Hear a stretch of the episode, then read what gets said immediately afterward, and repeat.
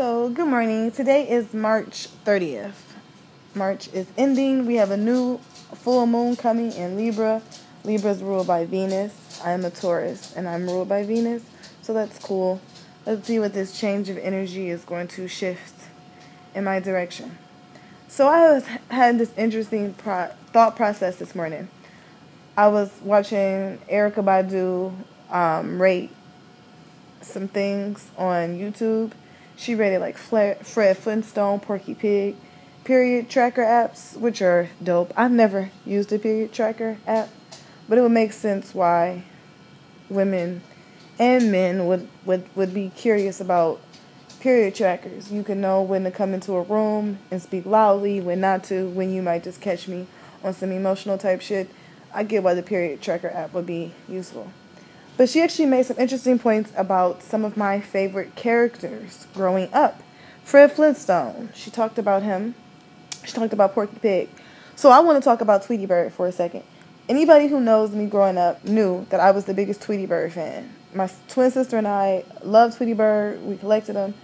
His the memorabilia. We used to go to the Warner Brothers store in Tower City and cash out on that stuff. But now I'm thinking about it. I want to talk about the storyline, what made me like Tweety Bird. Tweety Bird was like this really small bird that was like sexually am- ambiguous. Like people always used to call Tweety a girl. Sweetie was the girl, not Tweety, first and foremost. But he was big and yellow. Like for a bird, he was big, but in the grand scheme of all the other Looney Tunes, he wasn't. Um, he had an interesting storyline with Sylvester the cat because they had this love hate relationship with each other, right? Um, every every freaking episode of the show with Granny, Tweety was trying to get away from the cat, stop the cat from killing him, because he knew that was the plot.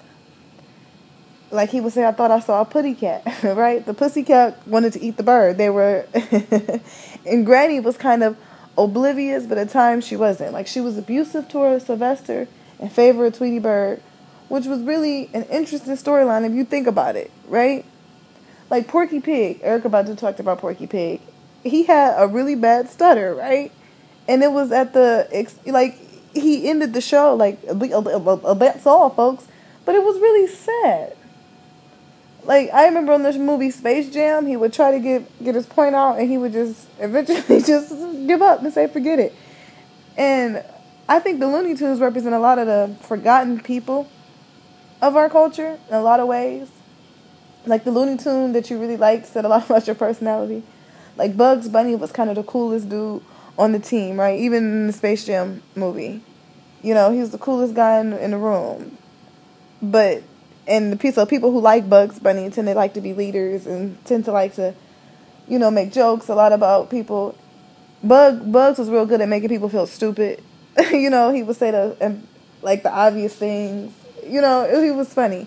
Daffy Duck had a really bad spit, like he would spit when he would talk, but it was something still really cool about him. It, it, it, it's interesting. And Elmer Fudd was he had like a lisp, a real bad lisp, and but he was real quick with his gun though, right? You know, I I wouldn't say he was like. He kind of reminds me of a Trump supporter. Elmer Fudd would definitely be a Trump supporter. But the Looney Tunes are my favorite, but I find that the Disney characters have stayed around longer. I don't know. The Tweety Bird thing is really interesting because I feel a lot like Tweety Bird. You know, um, I was kind of, I feel like growing up, I might have been my grandmother's favorite, our great grandmother, Medea. But she, all of us had special relationships with her. But we kind of were off, my twin sister and I, because we were little, so small compared to everybody else. She kind of kept us off away from everybody. Not away from everybody, but when we were sick, when we were babies, we were really sick, so people had to be very careful when they played with us. So until we got old enough where she felt like we wouldn't get sick by other people's germs because we were three months premature. And it does create an interesting dynamic in the house because I think Granny loved her cat until she got a bird. And the natural instinct of a cat is to want to eat the bird. It, it's I find that to be fascinating.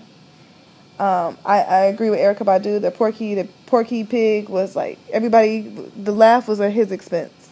You know, he was at the butt of like a lot of jokes. He couldn't get his point across. It was really sad. Elmer Fudd, the Road Runner. Can we talk about the Road Runner and the Coyote? For years, is is that like a failed relationship? But they need each other to exist. The Road Runner needs to keep running from Coyote because he the Coyote gives the Road Runner's mission like a there he, he gives the road he, the coyote I'm sorry gives Roadrunner a mission because if, if not the Roadrunner would just be running for no reason. He, she, neither one of them really speaks much with each other, and then the coyote is like this risk taker who plays with dynamite, who's almost suicidal and chasing someone who really doesn't want to be caught.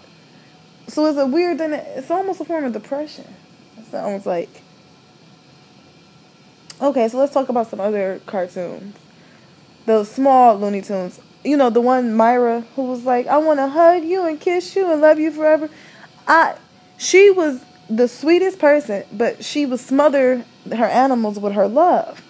And I and I definitely can relate to that because I'm like that. When I cling on to something, I am onto it. And it makes it can make the what I'm clinging on to want to flee. It's you know it's interesting. What was the one skunk that fell in love with the cat that was dressed like a skunk, but she hated him because he stunk, he stunk really bad, and it's so. it's, it's it's actually if you think about it, Looney Tunes were like all of the misfits in our culture, and they got together, and they found like a family within each other. So it's funny. It's funny. I think Space Jam is the dopest movie, and I really do hope they make a Space Jam 2 with LeBron James. His perspective on things is really interesting to me. I don't know. Well, we can talk about the Disney characters too for a second. Even though I find Disney, you know, I found the Disney movies, you know, to be classics, but the characters weren't as interesting to me. The Looney Tunes really were interesting. Even uh, I, so, I'm not going to talk about the Disney characters because I'm still infatuated right now with the Looney Tunes. So let's go back to the Looney Tunes. Space Jam. I think we really got a chance to see them together interacting and it's funny that the Looney Tunes use everything that society kind of would deem weird about them and in their world and but they made their own world where it was all okay where they could all be mean to each other run each other over with cars and things and it would all be all right. What was the big rooster who always wanted to fight? He was so funny. I'll put him up. Real country type dude. You know he was like really big compared to everybody else you know, he had this real country accent. I thought he was so funny. But at the same time, you know, the loud country motherfuckers now are, you know, they're coming out. Under the Trump administration, the Looney Tunes seem a lot less funny, actually. I don't know. I really like when they introduced Lola Bunny to um to the fold, cause you know Bugs Bunny would kiss people in the mouth all the time, men, women, whatever. Like his his his lack of boundaries was interesting, and I think him having a mate really kind of changed that because he didn't kiss her until like the last scene. The person he really liked, he didn't.